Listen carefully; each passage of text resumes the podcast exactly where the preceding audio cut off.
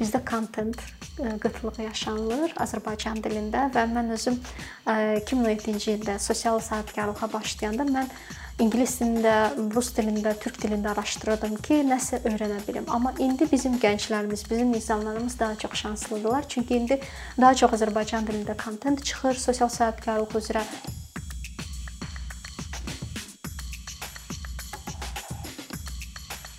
Siz e, Buta Arson Switch-in e, yaradıcısısınız, təsisçisiniz və eyni zamanda sosial sahibkar kimi bu sahədə belə deyək, özünüzü artıq tanıtmısınız, öz e, sözünüzü demisiniz, deyək, təsdiqləmisiniz. Əvvəlcə bundan başlamaq lazımdır ki, mənə elə gəlir. Sosial sahibkarlıq nədir? Hansı məqsədləri var və nəyə xidmət eləyir? Ümumiyyətlə e, bu sualı hər dəfə mənə verəndə sosial sahibkarlıqla bağlı mən hər dəfə bir konkret cavabım olur ki, bunu heç bir institut, heç bir beynəlxalq təşkilat, heç bir elmi institut sosial sahibkarlığın konkret anlayışını gətirə bilməyəcək. Niyə? Çünki hər bir ölkədə sosial problemləri, həll yolları, yanaşmaları fərqli olduğu üçün hər ölkənin qanunvericiliyində sosial sahibkarlıq tam fərqli cür təqdim olunur. Mənə görə sosial sahibkarlıq insanların həyatına təsir etmək imkanıdır. Mənə görə sosial sahibkarlıq cəmiyyətdəki problemləri davamlı sahibkarlıq modellər üzərində həll yollarını axtarmaq və eyni zamanda o problemin həll yolunu tapmaqdan ibarətdir. Mənə görə sosial sahibkarlıq elə bir sahədir ki, biz heç kimdən asılı olmayaraq bir fərd olaraq bir biznes yaradırıq və e, həmin o biznesi yaradarkən bizim əsas məqsədimiz cəmiyyətdə, ictimada hər hansı bir problemi həll etməkdir. Məsələn, biz götürək bir ənənəvi şirkəti, təşkilatı, hansı ki, kifayət qədər böyük bir məbləğlər xərcləyir sosial layihələr üçün.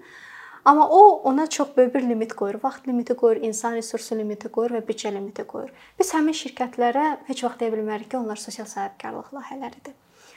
Amma sosial biznesdə biz soruşanda ki, sizin əsas məqsədiniz nədir? Bizim bir cavabımız var ki, o biznesin əsas məqsədi hər hansı bir cəmiyyətin sosial və ya da ətraf mühitlə bağlı olan problemin həll olunmasıdır. Və sosial biznesin 7 ümumi prinsipi var, hansı ki, bir çox kurikulumlarda, bir çox təlimlərdə o haqqda danışılır. Birinci əsas prinsip ondan ibarətdir ki, biznes olaraq əsas missiyamız cəmiyyətin problemini həll etməkdir. İkincisi biz maliyyə və iqtisadi baxımdan davamlı olmalıyıq. Yəni biz qrantlar götürə bilərik. Amma bizim minimum 50% fəaliyyətimiz, yəni müstəqil olmalıdır. Biz heç kimdən asılı olmamalıyıq. Üçüncü ondan ibarətdir ki, məsələn mən bir investoram, mən sosial biznesə yatırım edirəm. Mən 1000 dollar yatırım edirəmsə 1000 dolları götürürəm. Dördüncü prinsip həmin o dividendlə, faizlə bağlıdır ki, həmin o investisiyadan olan faiz şirkətin özündə qalır. Hı -hı. Beşinci prinsip ətraf mühitə həssas olmaq. Məsələn, mən bir şirkət yaradıram, sosial biznes. Bir problemi həll edirəm, amma eyni zamanda mən çox plastik tullantılar edirəmsə, bu artıq sosial biznesə zidd bir prinsipdir.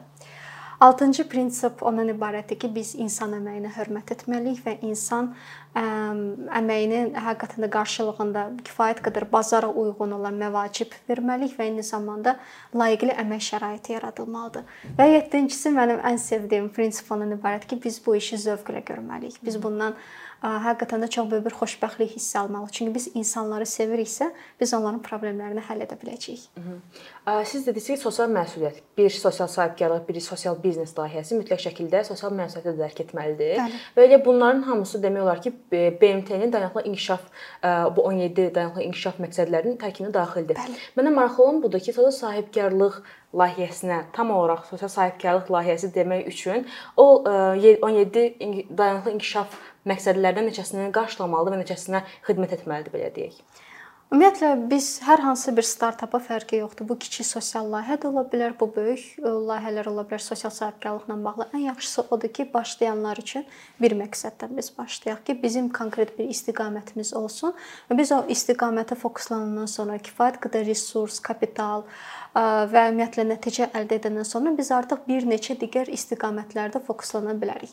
2017-ci ildə Buta Arden Switch sosial biznesini yaradanda biz 10-cu məqsədə xidmət etmişdi. 10-cu məqsəd burada bərabərlik şəraitində biz insanlara imkanlar veririk ki, onlar həm təhsil alsınlar, həm də onlar iş imkanları əldə etsinlər. Və daha sonra biz artıq öz fəaliyyətimizi genişləndirəndən sonra keçdik keyfiyyətli təhsilə, 4-cü davamlı inkişafın məqsədinə. Nəyə görə? Çünki gördük ki, təhsil həmin o xanımlar üçün həyatın boyunca keyfiyyətli təhsil almaq çox vacibdir ki, onlar təkcə bizdən asılı olmasınlar. Onlar özlərini sahibkar kimi də inkişaf elətdirə bilsinlər. Yəni burada hər şey sosial sahibkarın, sosial layihənin icra edənin özündən asılıdır ki, o ona hansı problem daha yaxındırsa, o uşaqlıqdan, ətraf mühitindən hansı problemə özünə daha yaxın hiss edirsə, ona fokuslansa, o daha güclü nəticələr əldə edə biləcək. Siz yəni çox geniş danışırsınız və mən də istəyirəm ki, bu mövzuya da biraz kənardan baxaq, necə deyirlər, böyük şəklə baxaq. Sosial sahibkarlıq dünyada, yəni ki, ola bilər qlobal, ola bilər yəni yerli, düz yerli artıq biz yavaş-yavaş çalışırıq ki, bunu düzəldək, amma qlobalda məlum məsələdir ki, bu olduqca inkişaf eləmiş bir sahədir və bununla bağlı startaplar, layihələr olduqca çoxdur. Bəs Azərbaycanda hansı sahələrdə bu üzrə potensiallar var ki, ona diqqət göstərilmir, amma buna ehtiyac var hansısa bir sosial sahibkarlıq layihəsinə? Təşəkkür edirəm bu cür gözəl suala görə. Ümumiyyətlə sosial sahibkarlıq bütün dünyada 1970-ci illərdə başladı inkişaf etməyə. Və ə, həmin o Banqladeşdən yaradılan bu hərəkat bütün dünyaya başladı yayılmağa və hətta bir çox ölkələrdə, bir çox elmi institutlarında buna aid xüsusi ixtisaslar da açılıb. Bir çox öndə gedən universitetlərdə məhz sosial sahibkarlıq üzrə hətta MBA proqramları da təşkil olunur. Azərbaycanda son 6-7 ildə bu haqqda daha çox danışmağa başlayıblar, amma biz Azərbaycan tarixinə baxsaq biz görəcəyik ki, əslində bizdə bu qədim ənənələr mövcud idi. Məsələn, Hacı Zeynalabdin Tağıyevin biz fəaliyyətinə baxsaq biz görəcəyik ki, bu insan özü yoxsul ailədən çıxıb və öz əməyi ilə həmin o resursları əldə edib milyonçu olub və həmişə o düşünüb ki, icmaya dəstək olsun. O heç vaxt düşünməyib ki, mən bir dənə məktəbə investisiya edim, bununla da mən bitirim. Onun həmişə məqsədi olub ki, dilənçilər olsun, yoxsul insanlar olsun, onlar iş imkanları və təhsil imkanları alsın. O minlərlə gəncə bir çox təqaüd proqramlarını başlayıb təşkil etməyə ki, onlar xarici təcrübəni alandan sonra Azərbaycana onu gətirsinlər. Və hal-hazırda Azərbaycanda hansı istiqamətlər üzrə sosial sahibkarlıq inkişaf etməlidir? Birincisi bu təbii ki, təhsil, çünki bir çox ölkələrdə təhsil ən vacib problemlərdən biridir və təhsil üzərində qurulan sosial bizneslər bütün dünyada da çox uğurlu biznes modelləri üzrə gedir. İkincisi bu təbii ki, ətraf mühitin qorunmasıdır. Çünki biz 21-ci əsrdə bizim elə bir artıq seçimimiz yoxdur ki, biz biznes qurarkən biz ətraf mühiti düşünəkmi, düşünməyək. Çünki biz artıq qlobal problem olaraq, səviyyə olaraq biz o səviyyəyə çatdıq ki, biz artıq yəni sosial sahibkarlıq haqqında daha çox düşünməliyik ki, davamlı olaraq biz ətraf mühitə olan təsirimizi biz düşünək. Üçüncüsü bu təbii ki, gender bərabərliyidir. Çünki gender bərabərliyi ilə bağlı həm böyük şəhərlərdə, həm regionlarda bir çox problemlər mövcuddur və onları insanların düşüncə tərzini yavaş-yavaş formalaşdırmaq üçün, daha effektiv metodologiyalardan istifadə etmək üçün təbii ki, burada sosial biznes metodologiyalarının istifadə olunmalıdır. Və dördüncüsü mən düşünürəm ki, məsələn, bütün dünyada kənd təsərrüfatına biz baxsaq, bizdə regionlarda kənd təsərrüfatı çox məsələn inkişaf edir. Hələ Sovet dövrlərində buna çox böyük investisiyalar var idi. Dünya praktikasına biz baxsaq, biz görəcəyik ki, yavaş-yavaş kənd təsərrüfatı azalır. Çünki ətraf mühitə daha çox neqativ təsir göstərir. Və biz də əgər kənd təsərrüfatı üzrə fəaliyyət göstərmək istəyiriksə, biz hər zaman çalışmalıyıq ki, o ətraf mühit məsələlərinə biz fokuslanaq. Və 5-incisi bu təbii ki, həssas əhali qrup insanların işə cəlb olunmasıdır. Bu internat məzunlarıdır, bu məhdudiyyəti olan insanlardır, bu keçmiş həbs həyatını yaşayan insanlardır, zorakılığa məruz qalan insanlardır. Hətta bizim bu müharibədən çıxan qazilərdir və onların ailə üzvləri də hansı ki, təhsil və iş imkanlarını müəyyən səbəblərə görə ala bilmirlər. Buna görə də çox vacibdir ki, biz ümumiyyətlə inklüziv şərait yaradaq və sosial bizneslərdə də bu inklüzivliyi qoruyaq. Hı -hı. Biz danışdıq potensial sahələrdən, bəs hazırda biraz daha bu sosial sahibkarlıq sahəsinin Azərbaycandakı belə deyək situasiyasını görmək üçün siz hansı sosial sahibkarlıq nümunələri verə bilərsiniz bizə ki, həm bundan izləyicilər xəbərdar olsunlar, həm də biz öyrənək ki, ümumiyyətlə bizdə bu sahə nə qədər inkişaf eləyib və hansı belə deyək mövzular üzərində sosial sahibkarlıq layihələri var. Ümumiyyətlə mən həmişə bizim insanlarla fəxr etmişəm, çünki heç bir limitli resurslara baxmayaraq onlar hər zaman nə isə yaratmağa meyllidir və baxmayaraq ki, bizdə hələ qanunvericilikdə sosial sahibkarlıq anlayışı yoxdur, amma bizim gənclər Onlar həqiqətən də çalışırlar ki, sosial sahibkarlıq inkişaf etsin. Ən çox mən sizə müəyyən misallar da verə bilərəm ki, həmin o misallar üzərində də daha rahat olsun. Hı -hı. Həmin misallardan biri məsələn Azərbaycan corablarıdır, hansı ki, o Amerikalı xanım tərəfindən yaradılmışdı Azərbaycanda və onun da əsas məqsədi odur ki, regionlarda yaşayan qadınların işsizlik problemini həll etməkdir və onların hazırladığı əl işi corablarının müxtəlif beynəlxalq bazarlara çıxışını təmin etməkdir. Eyni sistemlə işləyən bizdə yerli xanımımız tərəfindən yaradılan bir biznes var. Adı Geeky Knitingsdir. O masallı xanımlar üçün yaradılıb bu sistemi və onlar həm ə, toxuma corablarının satışını təşkil edirlər, həm digər tikişlə bağlı olan məhsulların satışını təşkil edirlər və onların bir çox müştəriləri hətta Avstraliyadan, Yeni Zelandiyada da olub ki, yerli masallıda yaşayan xanımların əl işlərinin satışını təşkil ediblər. Daha sonra bizdə Hands Art adlı bir sosial biznes layihə var. Hansı ki, onun da məqsədi ondan ibarətdir ki, əqli və yaxud da fiziki məhdudiyyəti olan insanların hazırladığı əl iş aksesuarlarının satışını təşkil etməkdir. Azərbaycanda Covid zamanı yaradılan çox uğurlu layihələrdən biri Love ə, mağazasıdır. Hansı ki, o Azərbaycanda yaradılan ilk vegan və hələ ki yeganə vegan mağazadır. Həm onlar ətraf mühit məsələlərini insanlar arasında maarifləndirirlər, həm onlar ancaq təbii və bitki əsaslı inqridiyentlərdən istifadə edirlər və plus onlar ehtiyacı olan insanlara dəstək olurlar ki, onlar təmənnasız şəkildə orada öz məhsullarının satışını təşkil etsinlər və heç bir plastikdən də onlar istifadə etmirlər. Daha sonra bizdə bir çox nümunələr var ə, sosial sahibkarlıqla bağlı. Məsələn, bir ə, Nigar Hacıbabayeva tərəfindən yaradılan Code Girls adlı bir platformadır. Onun da əsas məqsədi ondan ibarətdir ki, qadınlara, qızlara proqramist olmağa, texniki bu bilikləri, bacarıqları əldə etməyə kömək edən bir platformadır və onlar mütəmadi olaraq belə sosial layihələrdə icra edirlər. Lənkəranda yerləşən Tor kafe crowdfunding üsulu ilə açılıb. Onun da məqsədi ondan ibarətdir ki, regionlarda yaşayan gənclər üçün bir icma yaratsınlar ki, həm onlar yeni insanları tanıya bilsinlər, həm fikirlərindən onlar görüşə bilsinlər. Həm eyni zamanda onlar üçün təhsil imkanları yaradırlar ki, onlar impulsuz ingilis dili kurslarından istifadə edə bilirlər. Kitab məsləhət saatları olur və digər onlar həmin imkanlarda əldə edirlər. Sərgilər olur mən bildiyim qədərilə. Bəli. Və ə, sonuncu qeyd etmək istədiyim misallar, təbii ki, misallar çoxdur, amma mənim üçün ən ə, uğurlu misallardan biri ondan ibarətdir ki, məsələn, Şəkinin yaxınlığında Biogarden adlı bir yer var Hı -hı. və o o o yerin sahibi 13 ildir ki, bu işin üzərində həqiqətən də əziyyət çəkirdi və ancaq son 4 ildə onu hər kəsə açıq etdi və o bioqardan nədən ibarətdir? Siz simvolik olaraq məsələn 5 manat pul ödəyirsiniz, girirsiniz və istədiyiniz sayda siz orqanik meyvə götürə bilirsiniz. Və plus onların bu ailə bir biznesidir və onlar ailəvi olaraq bələdçi olaraq insanlara, qonaqlara təbiətə etik yanaşmanı, daha diqqətli və məsuliyyətli yanaşmanı təbliğ edirlər. Bütün orada istifadə olunan inqridiyentlər hamısı orqanikdir və onun da sosial təsiri ondan ibarətdir ki, onlar təbii və orqanik məhsulları şəhər insanlarda əlçatan edirlər. Hmm. Siz nümunələrdədiz və maraqlıdır ki, bunların hər biri bizim gözümüzün önündə deyil. Yəni bununla maraqlanan e, kütlələr onları bilirlər və bəlkə də sosial sahibkarlıq e, ümumiyyətlə bundan ibarətdir ki, yəni yalnız sən öz kütlənə xitab edirsən və onların bilməsi sənin üçün bəs edə bilər. Bilmirəm, bəlkə də bu cürədir.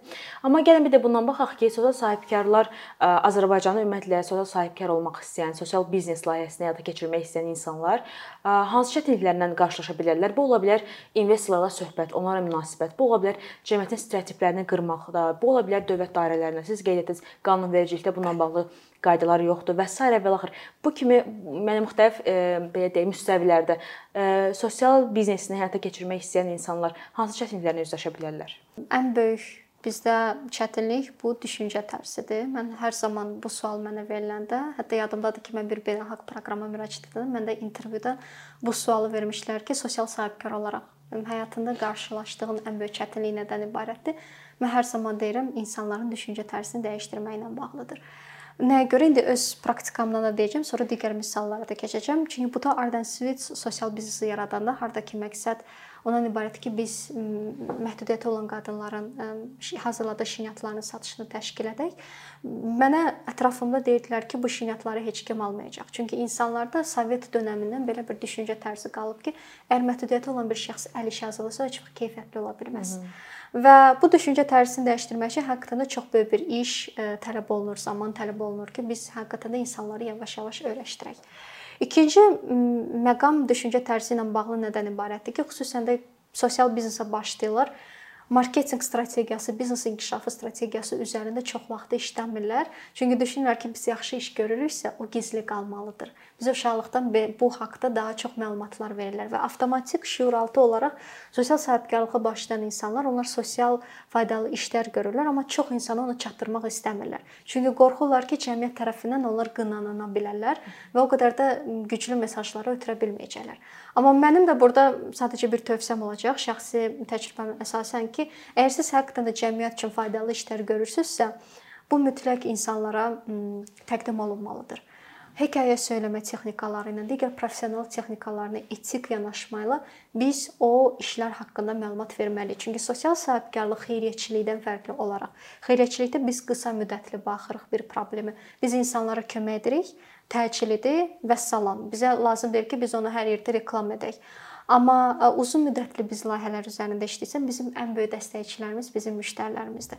Bizim də müştərilərimiz onlar biləndə ki, bu sosial sahibkarlıq layihəsidir və mən onlardan məhsul alıram. Bilmək istəyirəm ki, o məhsulun arxasında hansı sosial dəyər dayanır.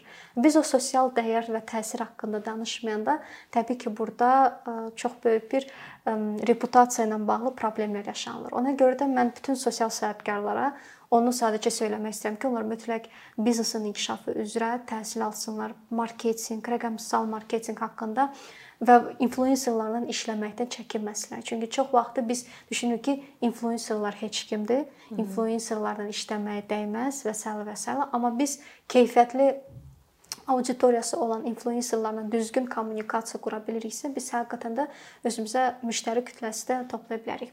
Üçüncü problem təbii ki, bu qanunvericilikdir. Sizin də qeyd etdiyiniz kimi, bizdə hələ sosial biznes, sosial sahibkarlıqla bağlı qanun qəbul olunmayıb. Qonşu ölkələrdə Rusiya artıq bu qanunu qəbul edib və o qanunun qəbul olunmasında Azərbaycanlının çox böyük bir rolu var. O bizim gələcək adlı bir fond yaratmışdı ki, sosial sahibkarlar üçün müxtəlif premiya proqramları, qrant proqramlarını təşkil edirdilər və eyni zamanda təhsil proqramları da olurdu. Və o həmin o şəxsin hesabına Rusiya həmin o qanunvericiliyi qəbul etdi və orada konkret kriteriyalar var ki, hansı bizneslər sosial biznes sayıla bilər. Hı -hı. Yəni o dövlət tərəfindən monitorinq olunandan sonra konkret bir reyestr yaradılandan sonra artıq hər kəs özünü sosial sahibkar adlandırmayacaq. Və hansı güzəştlər olur? Vergi güzəştləri olur. Bir çox faizsiz kredit imkanlarını əldə edirlər, xüsusi qrant imkanları olur, xüsusi dövlət tərəfindən dəstək mexanizmləri olur və təbii ki, xüsusi olaraq impact investment buna adlanırlar. Tə sosial təsir üçün yaradılan xüsusi investisiya imkanlarına da çıxış əldə edirlər.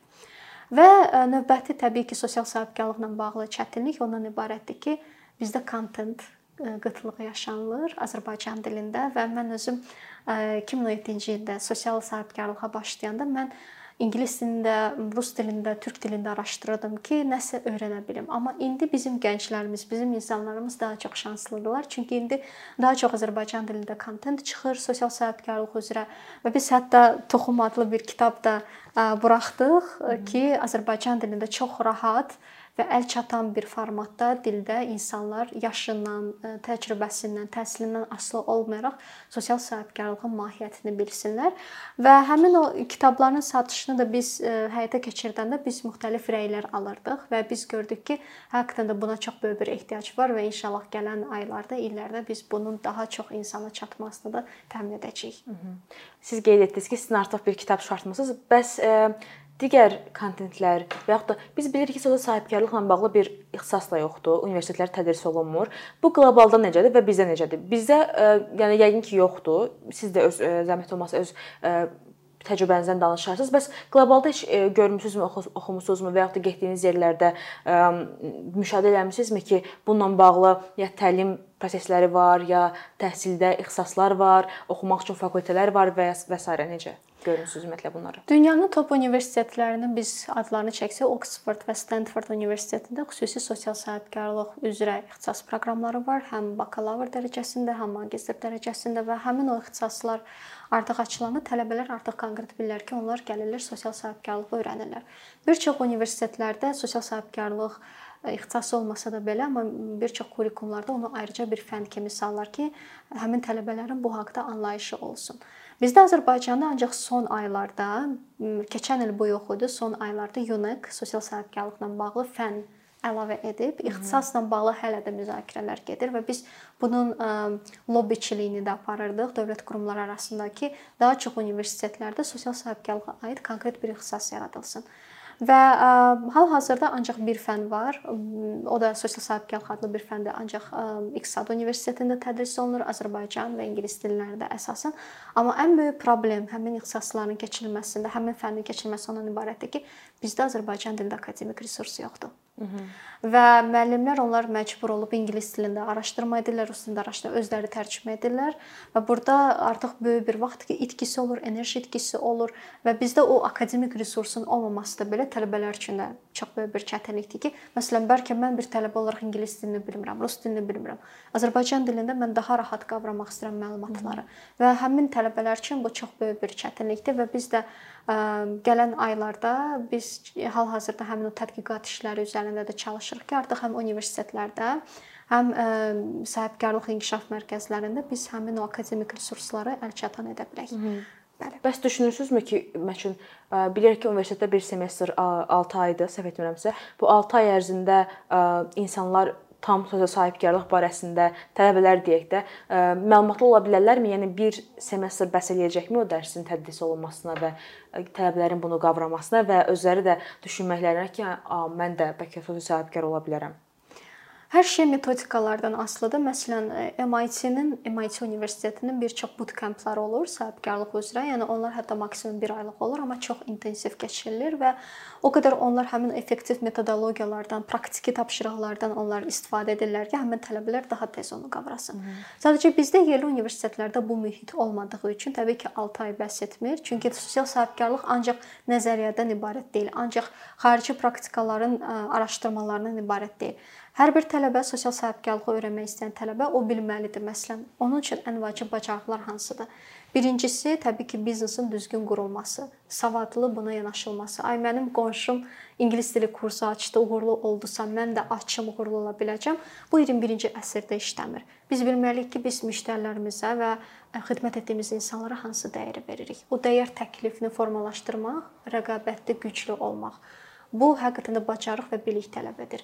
İkincisi isə bu təbii ki, xidmət etdiyimiz insanların düzgün kommunikasiya və onun araşdırması. Bu da təbii ki, uzun müddət tələb edir. Məsələn, biz regionda bir sosial sahibkarlıq layihəsi açmaq istəyirik. Biz orada heç vaxt yaşamamışıq.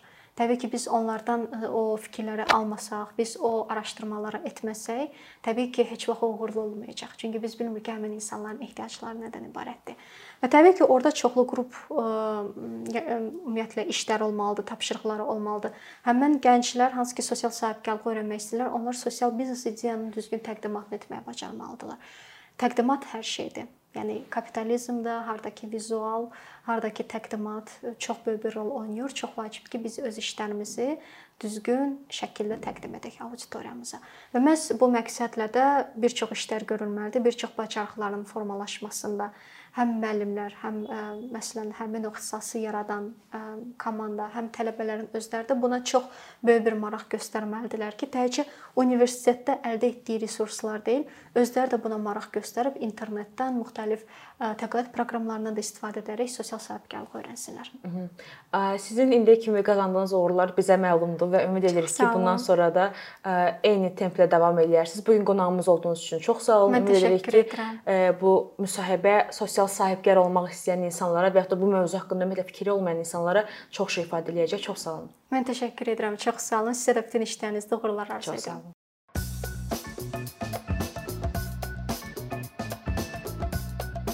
Bir neçə ildir ki, əkinçi olaraq azərbaycanlı izləyicilərin hər zaman faydalana biləcəyi keyfiyyətli və ən əsas ödənişsiz kontent hazırlamağa çalışırıq. İndiyədək təqdim etdiyimiz onlarla animasiya və yüzlərlə çəkilişlər tələbələrin, mütəxəssislərin, müəllimlərin və ümumiyyətlə yeni mövzulardan xəbərdar olmaq istəyən çox sayda insanın marağına səbəb olub. Bu illər ərzində hazırladığımız videolar təhsil, texnologiya, ictimai fəallıq, iqtisadiyyat, gender bərabərliyi, ətraf mühit, ifadə istifadə azadlığı, hüquq, demokratik inkişaf, mədəniyyət və digər mövzuları əhatə edib. Məqsədimiz çoxlu baxış gətirən deyil, çoxlu fayda gətirən videolar hazırlamaqdır. Amma bu düşündüyümüz qədər asan deyilmiş. Gördüyümüz iş kifayət qədər resurs, əmək və təbii ki, davamlılıq tələb edir. Bu səbəbdən Patreon platformasından istifadəyə başladıq. Əkinçinin Patreon hesabının populyarlaşmasına çox böyük ümidlərimiz və gözləntilərimiz var. Bəziləriniz Patreon haqqında ilk dəfə eşidirsiniz. Əslində çox sadə izahı olan bir platformadır.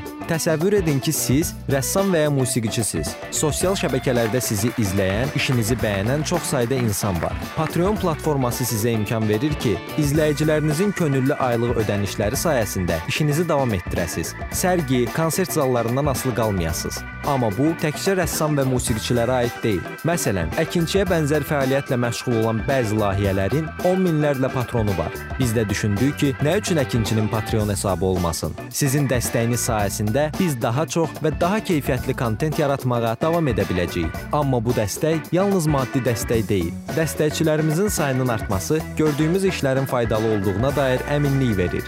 Patreon platformasından istifadə çox sadədir. Hesabınızı açırsınız, sizə uyğun dəstək növünü seçirsiniz və Patreon özü hər ayın ilk günü kartınızdan seçdiyiniz dəstək növünə uyğun ödəniş tutur. Bu qədər. Sonda onu demək istəyirik ki, dəstəkçilərin sırasına qoşulmaq istəyən, amma məhdud imkana görə bunu edə bilməyənlər narahat olmasın. Daha öncə dediyimiz kimi, bizim əsas məqsədimiz daha çox insanın hər zaman faydalana biləcəyi keyfiyyətli və ödənişsiz kontentin yaradılmasıdır. Bunun üçün mütləq patronumuz patronumuz olmalısınız deyə məcburiyyət yoxdur. Amma imkanınız patron olmağa çatırsa və bizim işimizi bəyənirsinizsə, patronlarımızın sırasına qoşulmağınız bizim üçün çox önəmlidir.